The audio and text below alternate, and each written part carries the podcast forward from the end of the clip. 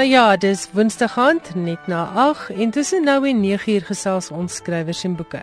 Ek is Elsje Salzwetel en jy's natuurlik ingeskakel op RSG 100 tot 104 FM. Onthou, jy kan saamluister op die wêreldwye web by rsg.co.za. Die hoofdis op Finanse Boekespyskaart is 'n heerlike gesprek tussen Suzette Kotse Meiburg en Wilna Adrianse. Maar eers net so 'n proeseltjie letterkunde nuus. Van skrywers en boeke se kant af wil ek die twee wenners van die Sunday Times letterkundige pryse baie gelukwens. Hierdie pryse is Saterdag aand in Johannesburg aangekondig. Die fiksie wenner is Claire Robertson met haar debuutwerk The Spiral House en die Ellen Payton nuwe fiksie toekenning is gewen deur Max de Pre met sy hoogs aangeskrewe A Rumor of Spring wat natuurlik 'n kykie gee op die eerste 20 jaar van demokrasie in Suid-Afrika. Barry Ronge is vereer met 'n lewensbydrae vir sy bydrae tot die Sunday Times en tot letterkunde en skryfkuns in die algemeen. Die fiksieprys sal voortaan ook bekend staan as die Barry Ronge fiksieprys. Volgens Ben Williams Sunday Times se boekredakteur was The Spiral House die eenparige wenner van die fiksieprys. Ek lees net so een reeltjie uit die beoordelaar se kommentaar. Hulle noem dit an astonishingly adept and richly imagined novel, a layered, subtle story that resonates with important ideas about history. Van ons kant af dan weer eens baie geluk aan Claire Robertson en Max de Pre. Maar nou eers die gesprek waarna almal uitsien, Suzette Kotse Meiberg gesels in Kaapstad met Wilna Adrianse. Lekker luister. Baie welkom by ons in die ateljee Wilna. Baie dankie Suzette. Ons gesels oor dubbelspel, jou nuwe lekker dik 'n uh, eh, speurverhaal. Maar ek wil dit nou eers so 'n bietjie terugvat. Ek lees op die internet dat jy 'n baie interessante begin van uh, jou skrywersloopbaan gehad het. Vertel 'n bietjie daarvan. Ek het aan die einde van 1999 was ons in Europa gewees vir die oorgang nou van die millennium en oujaarsaand het ons in die sneeu gestaan met die vuurwerke wat skiet bo die Alpe. En die kinders was besig om groot te word en ek het vir myself gesê ek dit is nou tyd. Um, ek hoef nou nie meer elke glas water en toe broodjie te maak nie. dit is nou vir my tyd om iets te doen en as daar iets is wat ek baie graag wil doen is dit om te skryf. Maar ek het nie geweet hoe nie. Ek het eintlik net hierdie een klein verhaaltjie gehad, so regte romanse wat in die Bolandse wingerde afspeel. En ek het besluit dit is my nuwejaarsvoorneme. Ja. Ek neem elke jaar nuwejaarsvoorneme. Ek hou nooit iets nie, maar daai een het nogal gebly. En ja. teruggekom het, het ek dit gedoen en ja. Sedertdien publiseer jy omtrent elke jaar 'n boek. Daar gaan daarom so nou en dan 'n jaar verby. Jy het begin natuurlik nou met die liefdesromanses wat almal nou ken, die Susie Jasmin boeke en so aan. En toe het jy aanbeweeg na die volwaardige romans, lekker dik is, pragtige boeke soos Rebecca en die boek van Esther en so aan. En toe het jy daardie baie mooi amper dis nie heeltemal 'n autobiografie nie, dis so 'n interessante boek 'n klein lewe. Nou hoe het jy by dit uitgekom? Ek het ingeskryf by die Universiteit van Kaapstad vir my meestersgraad in kreatiewe skryfkuns. En as deel van ons kursus moet ons 'n uh, verhandeling skryf maar in die vorm van 'n manuskrip. Ja. En weet jy, ek was op daai stadium 10 jaar aan die skryf gewees en dit het vir my na die perfekte tyd gevoel om sommer net iets anders te doen. Ja. om net 'n bietjie uit die patroon uit weg te breek wat ek geken het. En dit is ook die enigste keer wat 'n mens mos nou so nou saam met 'n 'n promotor werk. En dit was asof ek net bietjie op my kop gestaan het en die die wêreld uit 'n ander of die skryfwêreld uit 'n ander hoek uit gekyk het. En kon gesê het maar wys vir my 'n patroon of 'n resep wat ek nog nie ken nie. So dit is dit is hoe 'n klein lewe begin het en ek ek het toe ek die besluit neem het ek ook besluit dat ek wil nie ek wil iets anders doen. Ek dink 'n klein lewe staan so half op sy eie binne Afrikaans. Dis autobiografies, maar dis nie 'n autobiografie nie. En jy het baie ek wil amper sê gedissiplineerd enige van jou persoonlike lewe wat nie van toepassing op jou gekose onderwerp was nie wat uh, soos jy dit dan noem 'n klein lewe is net 'n vrou en 'n man en kinders se gesin se lewe van wat omtrent sien maar aktief nie die 80 tot sien maar 2012 is jou onderwerp en uh, kom ons noem dit nie 'n klein lewe in die apartheidsera nie ons noem dit nou net soos jy sê 'n klein lewe.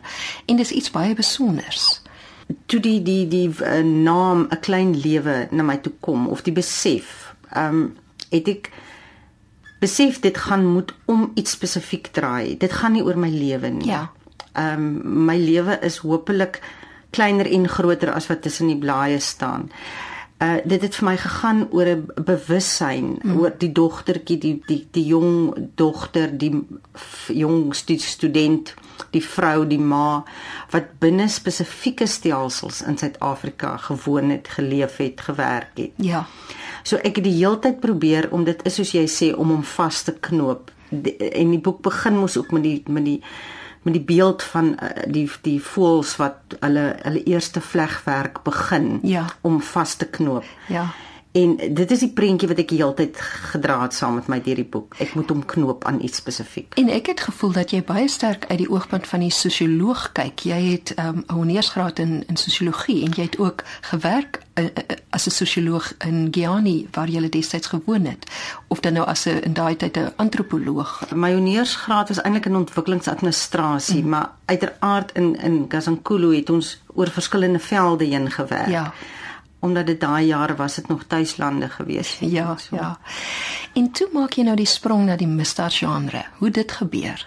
Weet jy, dis altyd moeilik om vir mense te verduidelik, maar ek sê altyd ek is te dom om stories te kies of om stories uit te dink. 'n Karakter kom na my toe. Ja. Dit werk net eenvoudig elke keer so. Ek word op 'n oggend wakker of ek sit eers op in die aand en 'n karakter sal so half na my toe aankom of langs my staan al En al wat ek dan moet doen is gaan kyk wie is die karakter en dan so half agter die karakter begin aanloop en almal sien wie nog saam met die karakter hier aangekom het. Dit klink nou vreeslik magic reg. Verduidelik vir my 'n bietjie meer. Het Ellie McKenna kom sy by name by jou op of sien jy haar of Ek het in ek in in die moederkerk in Stellenbosch gesit met 'n musiekuitvoering. Ja. En ek is baie lief vir musiek. Ek skryf ook altyd met musiek wat by my speel. Maar ek was om een of ander die aand nie in die by vir musiek luister nie. Ek weet eintlik nie hoekom ek gegaan het toe nie. En ek het verveeld begin word en ek het begin rondkyk in die kerk en dis ook die kerk waar ons getroud is destyds. En skielik het ek 'n karakter of 'n um, iemand, 'n vrou mm. agter die orgel sien sit in my verbeelding. En toe ek haar sien, toe sien ek twee jong mans stap agter in die kerk in en hulle is baie snappy aangetrek ja. met hulle sonbrille wat op hulle voorkoppe is. En toe sy hulle sien, toe weet sy hulle soek haar. En dit is toe nou die storieetjie wat in die kerk toe nou die aand na my toe kom. En toe ek nou by die huis kom, toe dink ek, maar hoekom sal hulle haar soek? Genigtig, maar ek moet sê ek is beïndruk deur hierdie kreatiewe proses want dit dit gaan van daarom ver van daardie indruk tot by 'n volledig uitgewerkte storie soos wat jy nou met dubbelspel doen. Die hele georganiseerde misdaad, die hele onderwêreld sien nou maar vanuit die Kaap hoofsaaklik bedryf.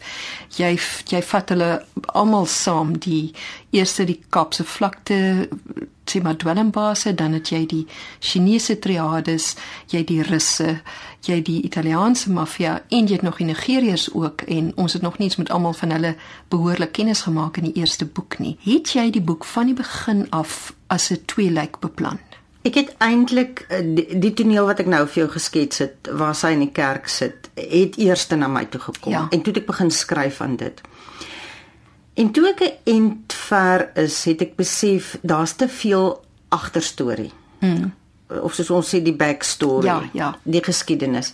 So ek het besluit ek moet eers ek moet hier haal. Ek moet hierdie ding eers baie mooi bekyk. En toe het ek so paar dae gevat en dit was dalk bietjie langer gewees, 'n week of 3 om vir myself te vra wat wil ek presies doen? Wat wat is die storie regtig hier? En toe het ek besef maar daar is 'n storie wat ek eers moet vertel ja. en dit is haar haar geskiedenis. Hoekom hoekom is sy in daai kerk? Hoekom sit en speel sy op 'n aand of op 'n oggend 'n orgel in 'n dorpie in 'n in 'n kerk? En toe ek dit uh, eers die agterstorie gaan skryf. Genigtig. Jy moes sekerlik baie navorsing gedoen het. Hierdie onderwêreld beskryf jy so oortuigend in dubbelspel. Hoe het jy jou navorsing gedoen? Ek het iemand gekontak wat ek geweet het wat vir my sal kan help. Ja. En ehm um, ek was gelukkig geweest hmm. dat die persoon ingewillig het om my te help om vir my te vertel hoe werk dit? Is dit werklik so erg soos wat 'n mens soms in die koerante lees en in die media berig word? En hy het twee goed vir my die eerste dag gesê wat uit baie ander dinge, ons het oor baie ander dinge ook gesels, maar twee goed het my bygebly. En die een is hy het vir my gesê dit wat ek kan vir my verbeel mm. het waarskynlik alreeds gebeur. En die ander ding wat hy vir my gesê het is 'n mens moet nooit vergeet ook nie al hierdie mense en dan nou praat ons van die mense wat in die speurdiens in die polisie diens is, het ook privaat lewens. Ja. Hulle is ook net mense met verhoudings by die huis onder mekaar. Dit het my onmiddellik gevang want ek het besef dit gaan ook net oor mense. Dis reg. Uh, toe ek by die huis kom het ek gaan sit en ek het ek het begin oplees en ek het baie met hom kon gaan praat het ek waaroor ek baie dankbaar is. Um om net so half myself te toets. Is ek op die regte pad? Ja. Uh, is ek oortuigend? Want ons het mos kreatiewe vryheid. Jy Ja, weet ja. ons kan ons kan speel met die feite, Ja. maar dit is tog lekker vir my as ek weet ek bly ek bly nogal naby aan die feite. Ja. En eh, soos daardie wêreld uitgebeeld word, is dit is dit naby aan wat jy geskryf het. Ja. Wat interessant is is hoeveel van die dinge wat ek geskryf het is het baie terwyl ek geskryf het of net daarna of net daarvoor het skielik in die nuus gebeur. Sjoe. En dit is nie die eerste keer wat so iets met my gebeur dat dit wat ek skryf skielik in die wêreld weerspieël word Ja. nie. Ek dink 'n mens raak ook net meer oplettend. Dis reg. Dit gaan by jou verby as jy nie daarmee besig is nie. Maar die oomblik wat jy skielik daarmee besig is, dan tel jy al hierdie brokkies staan soos rooi vlaggies Dis skielik reg. weer op. En vir my is dit weer ehm um, ek lees in die koerant van sê my ouens so Skritchier en so aan. En dan lees ek 'n boek soos joune en dan dink ek maar dit dit korreleer.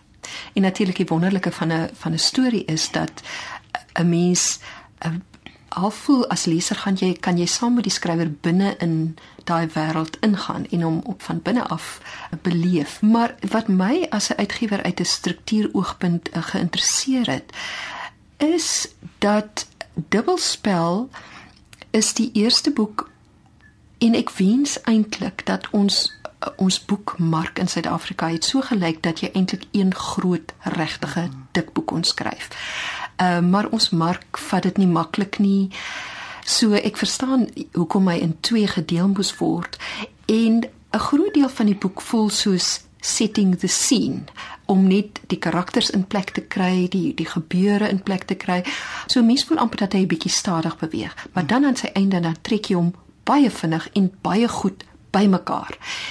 Maar ek sou ter, uh, lesers wou sê moenie voel hierdie boek beweeg te stadig nie. Hou aan want dit raak net al beter. Wat ek wel gevind het is agterna hierdie storie by my gebly.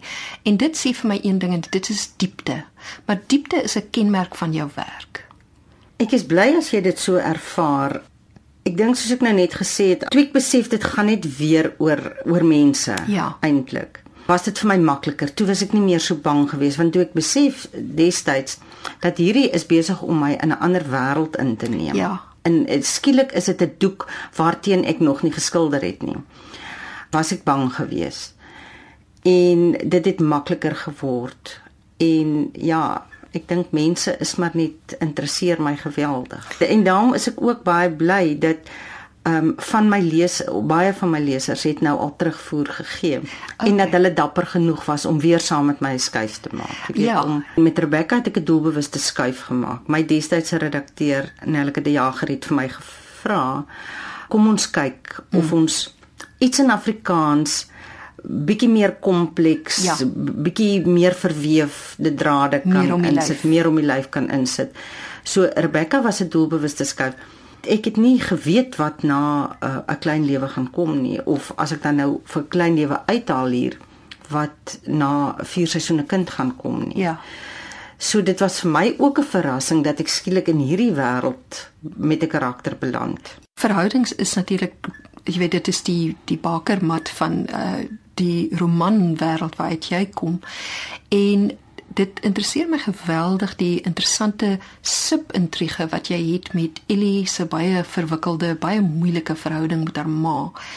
En die ma is nou vir my 'n uiters interessante karakter. Ek weet daar's nou stereotipe en dinge, maar sy is daarom werklik ver verwyder van die moederlike ma. Waar het jy hierdie karakter gekry?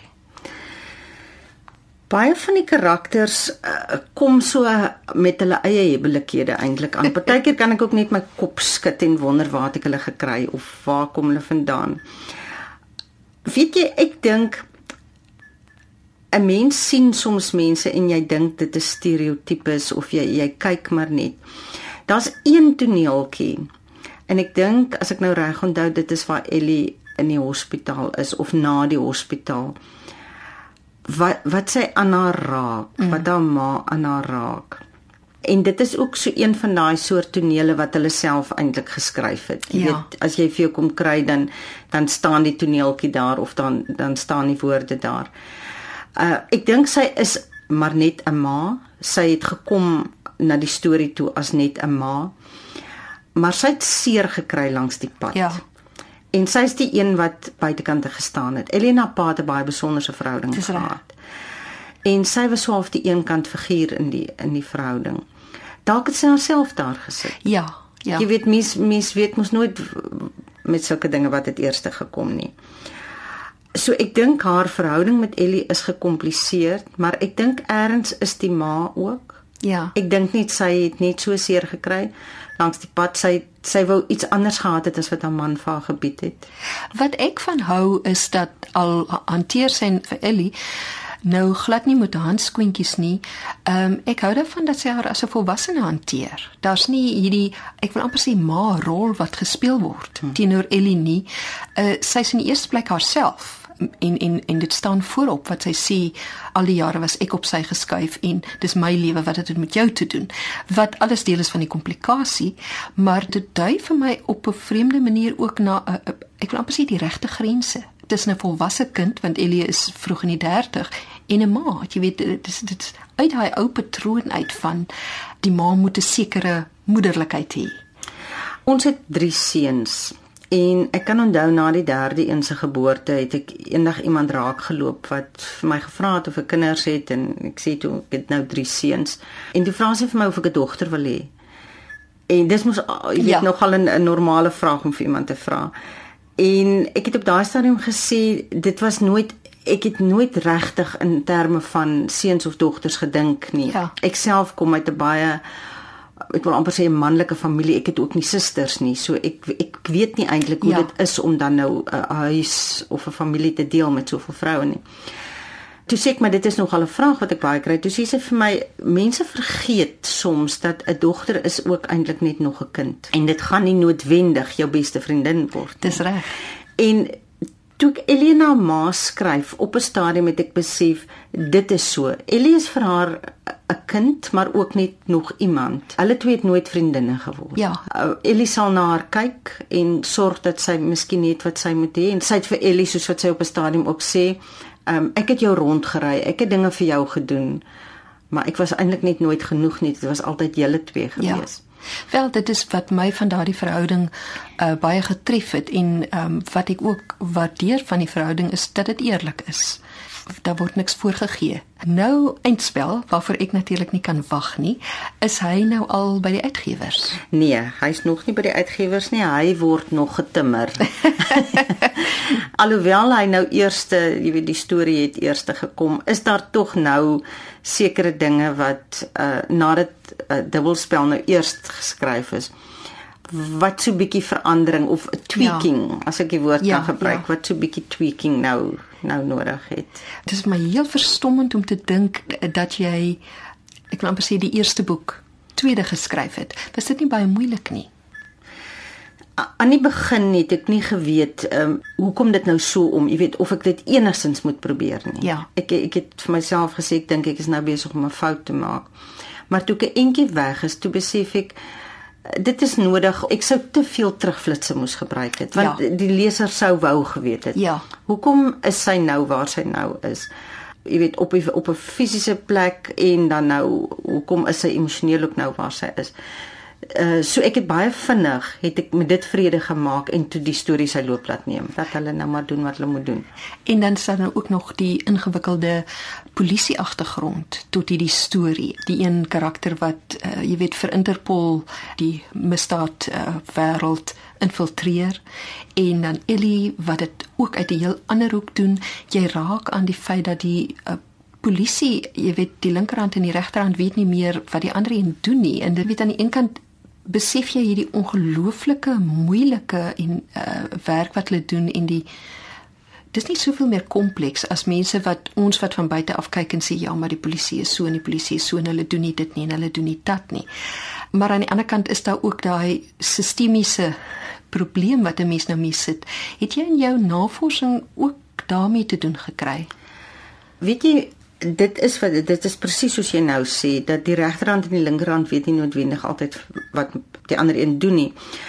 Daar is ook sekere redes voor hoekom hulle dit so gebeur. En dit is nie iets wat beperk is tot Suid-Afrika nie. Ja, ja. Dit is ook 'n een ding wat ons wat ons baie dikwels uit die oog verloor. Ons kyk ja. na die sisteme by ons en ons dink dit is net by ons wat dit so gaan. Ja. Dit is nie. Ek het 'n paar gesprekke gehoor toevallig. Jy weet ek sit in 'n geselskap en iemand sal iets opmerk. 'n Joernalis byvoorbeeld wat hy gesien het ja. en waar waarvan hy weet. En dan is dit dinge waarvan die algemene die Jan Alleman in die straat nie noodwendig weet nie. So dit is ook hoe ek die paadjie begin loop het om agter te kom maar hoe werk hierdie verskillende stelsels dan? Ja. Wat betrokke is by die die opsporing van die misdaad wêreld in Suid-Afrika. Ja. Jy het nou duidelik jou diep ingegrawe in hierdie mense wat hulle lewe eenvoudig uit georganiseerde misdaad uitmaak. Dit is enige iets wat baie geld inbring. Dwelms, perlemoensmokkelary, renosterhoring, seker nog ivoor ook. Dit is duidelik mense wat intelligent genoeg is om uh, 'n uh, lewe te maak op 'n goeie manier. Waarom doen mense dit? Waarom bestaan dit op die manier wat dit bestaan? Ek dink geld. Gierigheid. Dit dit die geld is so groot. Ja. En uh, ek dink net as jy een keer gewoond geword het aan aan daai soort van geld waarskynlik. En ek dink van hulle hulle hou van die risiko. Ja, ja. Hulle hou van hoe hulle die sake doen. Daar's altyd iets aan die gang. Ja. Dit is nie 'n 8 tot 5 kantoorwerk nie. Daar's hulle is hulle is wheelers en dealers. Ja.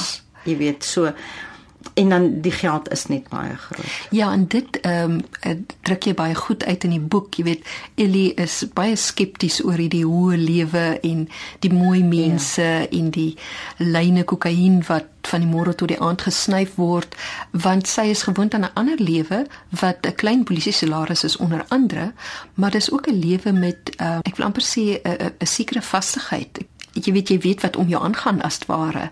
Maar sy sien baie duidelik raak en die leser sien dit self, daai absolute verleidelikheid van hierdie hoë lewe. En 'n mens kan jou indink. Clara die die jong model ja. wat uh, Ellie telkens dink, maar is sy werklik so naïef as 'n 19-jarige model wat al 'n hele klompie jare modelwerk doen? Is sy regtig so naïef om nie te weet waarvoor sy haar inlaat deur met hierdie ouer Italianer, hierdie maffia man, ja. kroonprins ja. eintlik binne die maffia groep. Is sy regtig so en so so onnoosel eintlik dat sy nie weet wat sy doen nie, maar ek dink sy weet. Ek ek dink ook sy weet. Ek dink uh, die meeste weet ja. waarvoor hulle hulle inlaat. Maar dit is verleidelik. Dit ja. dit is werklik op 'n sekere vlak kom ons noem dit 'n mooi lewe, 'n ja. interessante lewe wat die die 8 tot 5 nie noodwendig vir jou gaan gee nie. Dis reg.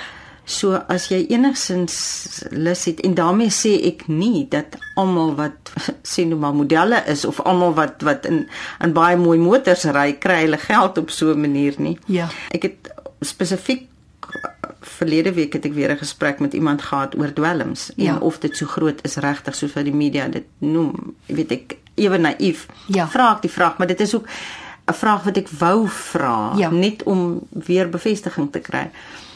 En sy antwoord was net dat dit eintlik veel groter is as wat ek weet jou enigstens kan enigstens kan indink. Selfs al verstaan kinders deesdae die gevaar van baie vroeg af. Die praatjies daaroor kry hulle met moedersmelk deesdae ja. in. Maar bly die bemarkingsfoefies wat amper daarmee saamgaan is net is, is daar en ja. dit is groot en dit is verleidelik. Ja, veral as jy dan nou uit moeilike omstandighede uitkom so. wat wat daar nie baie geld is nie dit en is nie so. baie voorregte ja. is nie. Wel nou ek sien ontsettend uit na eindspel. Ek kan nie wag nie. dit is soos toe ek so moes wag vir daardie um, Millennium trilogie en daai boeke en uh, Ja, en daarna sien ons wat gebeur of jy wat watter karakters kom dan na jou toe. Elke keer is ek baie bang dit voel vir my die, die elke keer dit is die laaste karakters wat hulle self kom aanmeld het. So ek is blyer as enige iemand as daar weer op 'n oggend een by my deur aankom. Wel verduidelik vir meer as 10 jaar hou hulle aankom. So dit was baie lekker om met jou te gesels. Baie dankie Suzette.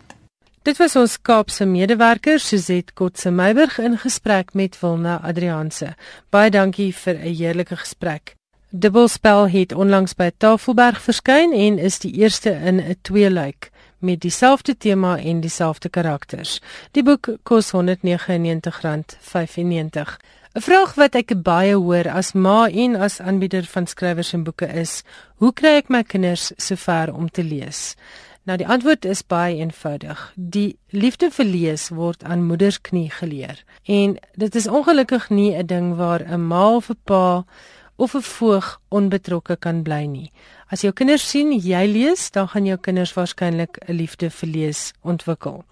Nou is daar 'n wonderlike nuwe leesreeks wat deur Lapa Uitgewers uitgegee word en wat die breinkind is van twee persone wat lank reeds betrokke is by spesiale onderwys, kinders met leergestremthede en wat presies besef hoe belangrik dit is vir 'n kind om leesvaardighede baie vroeg al te ontwikkel. Hulle is vanaand by my in die ateljee en ek wil ook sommer sê hierdie is 'n wonderlike manier om hierdie wintersvakansie wat voorlê te benut om klein kindertjies van so rondom graad R en graad 1 aan die lees te kry. Baie welkom in die ateljee Josie Palmer en haar dogter Renet Lombard. Nou Renet en Josie se reeks Tippie boeke wat 'n progressiewe leesreeks is wat hulle later sal verduidelik is van die oulikste goed wat ek nou gesien het om heel klein kindertjies 'n liefde vir lees te laat ontwikkel. Ek wil nou eers hoor, wat is julle agtergrond? Josie? Ek is vir 27 jaar betrokke by buitengewone onderwys waar ek spesifiek vir 21 jaar met leergestremde kinders gewerk het. Die afgelope 4 jaar is ek betrokke by autistiese kinders. En Renet, jy is 'n autisme ekspert. Jong Ilse, ja, ek dink nie daar's vreeslik baie mense wat hulle self autisme experts kan noem nie. My opleiding is oorspronklik as remedierende terapeut, maar oor die afgelope 8 jaar het ek spesifiek gespesialiseer in autisme. En lees en boeke en kinders en kinders met leergestremthede lê julle albei baie na in die hart. Is dit waar die idee vir hierdie boek vandaan gekom het? O ja, verseker. As onderwyseres by 'n skool vir leergestremde kinders, het ek gevind dat kinders verskriklik baie sukkel om te lees weens hulle leergestremdheid en dat daar nie regtig boeke op die mark is waar 'n kind in staat is om elke woord in sy boekie te kan lees nie. En dis waar die gedagte ontstaan het om 'n boekie te begin waar die kind elke woord in die boekie kan lees. So ons eerste reeks wat ons begin het wat bestaan uit 8 boekies bevat slegs 3 letterwoorde. So dit stel die kind in staat om elke woord in die boekie te kan lees. Dit is nie net 'n leesboekie nie, agter in die boek is daar ook werkstukke. Daarvan kan jy net meer vertel. Die hele idee was om 'n kind opgewonde te maak oor lees. Dit moet exciting wees. Dit moet lekker wees om te lees. Hy moet die boekie kan vat en vir mamma kan gaan wys. Kyk mamma, ek kan lees. Ek kan die hele boekie lees. Daar's nie woorde in wat groot woorde is wat hierdie kind glad nie kan verstaan nie. So die hele storie is opgebou uit 3 letterwoordjies. So Reinet kan dalk vir ons meer vertel hoekom die werksboek agter in elke leesboekie is. Ek dink dis 'n baie oulike idee want hierso in die agterste deel van die boek sien ek daar's 'n woordelys van elke enkele woordjie wat in die boek gebruik word.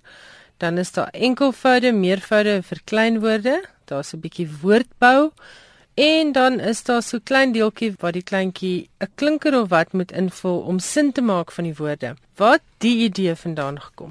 Jong Elsa, ons boekies is gegrond op kinderontwikkeling. So ons wou regtig gekyk het wat is maklik bereikbaar vir 'n kind op 'n spesifieke ouderdom.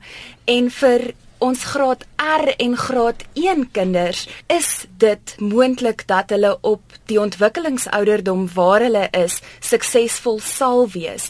Hierdie aktiwiteite agter in die boekie is ook om begrip vas te lê. Dit help glad nie dat 'n kind kan lees, maar dat 'n kind nie met begrip lees nie. En as 'n kind nie kan lees nie, kan 'n kind nie leer nie. Ook so baie keer sien ons dat lees en taalontwikkeling apart van mekaar staan in skole. So ons wou hierdie twee konsepte bymekaar uitbring dat dit wat ons lees ook te doen het met taal daarom die verskillende taalaktiwiteite. En die boekies het elkeen 'n eie storieetjie. Hiersoos Hallo Tippie is die eerste boekie. Tippie is 'n baie baie pragtige pers olifantjie. Tippie en die hen, Tippie se jas, Tippie en die kat, Tippie en die bok, Tippie en die kam, Tippie se bal en Tippie en die by. En dis baie baie kleurvol geïllustreer en dit is oulike basiese storieetjies. Waar het Tippie vandaan gekom? Dit was maar 'n kopkrap waar ons gesit het met 'n karaktertjie wat ons wou gehad het wat van kon wees. En ja, ek weet nie regtig op 'n dag gestipie net gebore. weet nie waar hy regtig vandaan gekom nie. En jy het spesifiek nou ook diertjies gekies in plaas van 'n mens. Ja, want dit moet pret wees. Dit moet lekker wees. Dit is die hele idee van die leesreeks.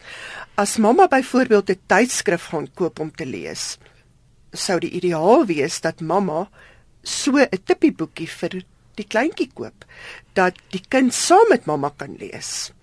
En hierdie eerste reeks is regtig op die vlak van graad R en graad 1. En dan ook dat die kind nie net die boekie kan lees, maar dat daar ook interaksie met mamma en kind kan wees of met ouma en kind of met onderwyser en kind of met terapeut en kind. Omdat daar begripsvragies is oor die boekie, byvoorbeeld tip in die bal, watter kleur is die bal?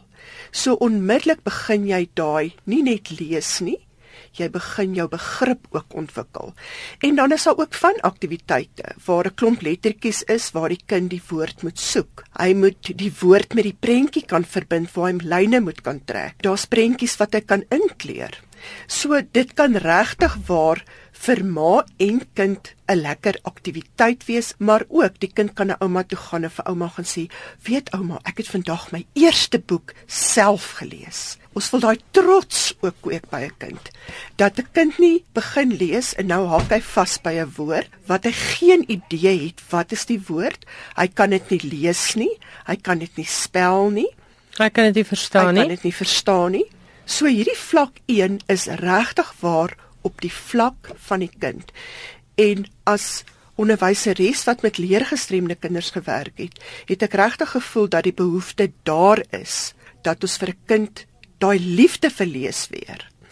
Daai liefde verlees ontstaan wanneer 'n kind sukses ervaar en daar is verskriklik baie Afrikaanse boekies beskikbaar op die mark, maar dit is nie op kinders se ontwikkelingsvlak geskryf nie. So mamma kan dit lees, maar 'n kind is nie in staat om dit self te ja. lees nie. En leer my lees met Tippie wil ons spesifiek hê 'n kind moet self kan lees. Ja, ek dink dit is vir my die die wonder en die oulikheid hiervan is dat dis definitief nie bo 'n kind van 5, 6 en 7 se vuurmaakplek nie. En dit voel dink ek die die skoolkurrikulum baie aan. Dit is nie iets wat buite sy verwysingsraamwerk gaan val nie.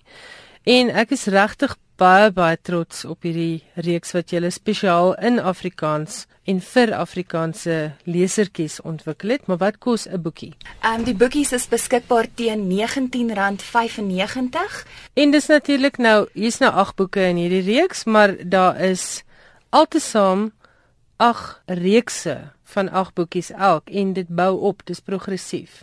Vertel ons daarvan, hoekom het julle besluit om dit te doen? Wel as die ouetjie sy 3 letter woorde onder die knie het, moet daar beslis vir hom 'n verdere uitdaging wees.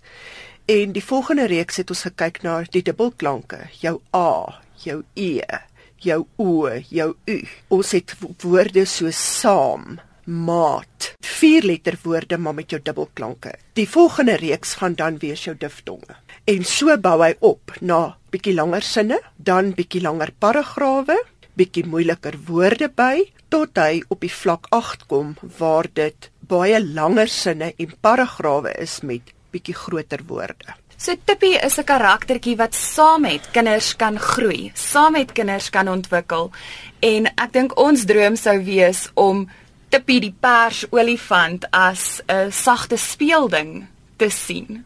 En miskien 'n nasionale leessimbool uiteindelik. Fantasties. Renette en Jazzy, is daar enigiets wat ons nog nie oor gepraat het van Tippie nie wat julle nog met luisteraars wil deel?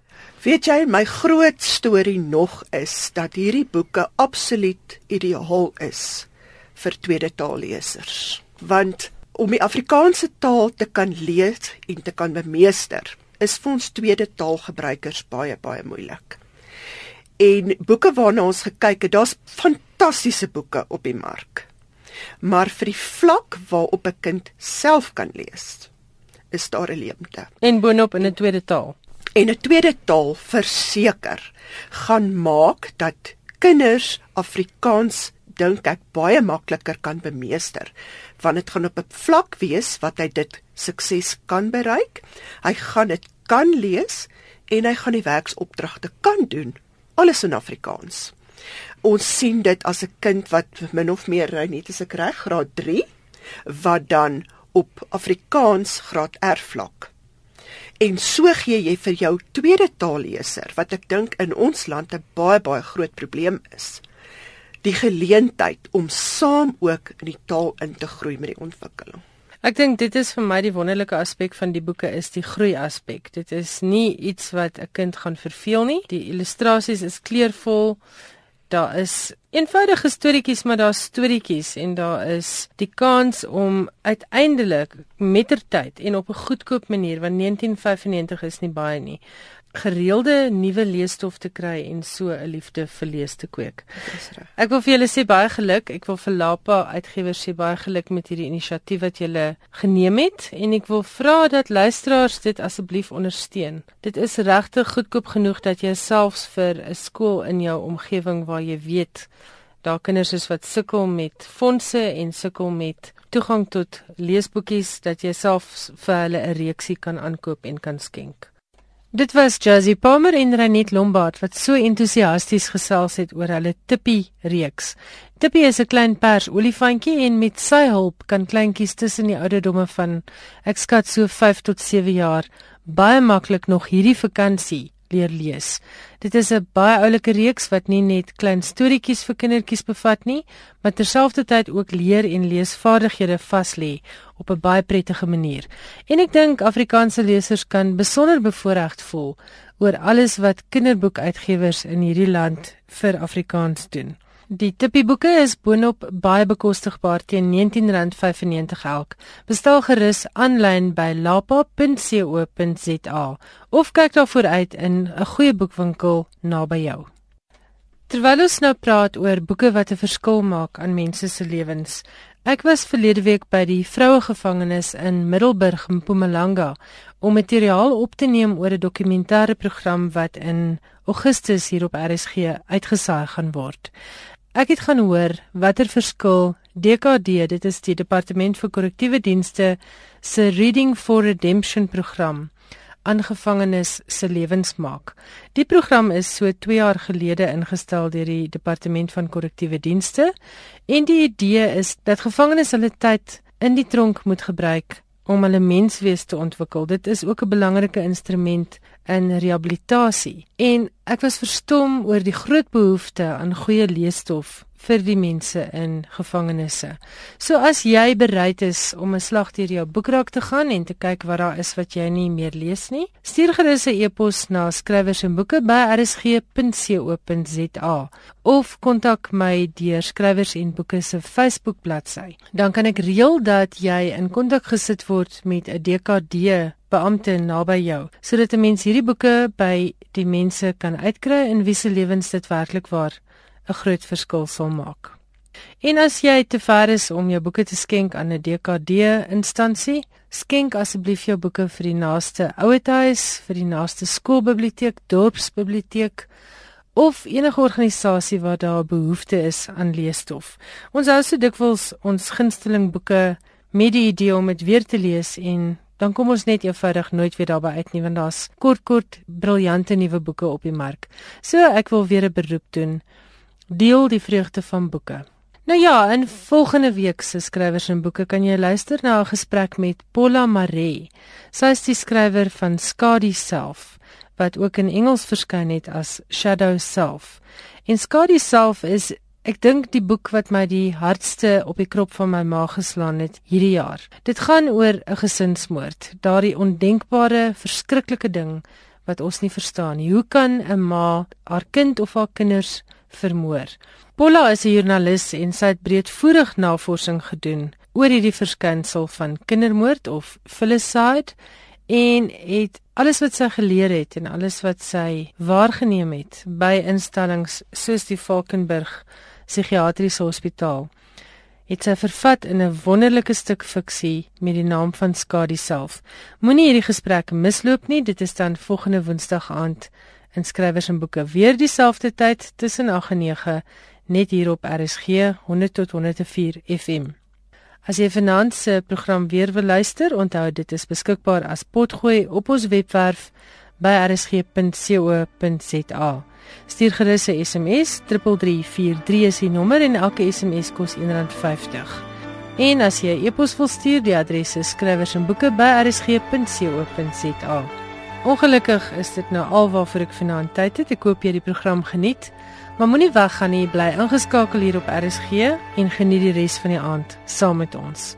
Tot volgende week groet ek, Elsje Salzwetel.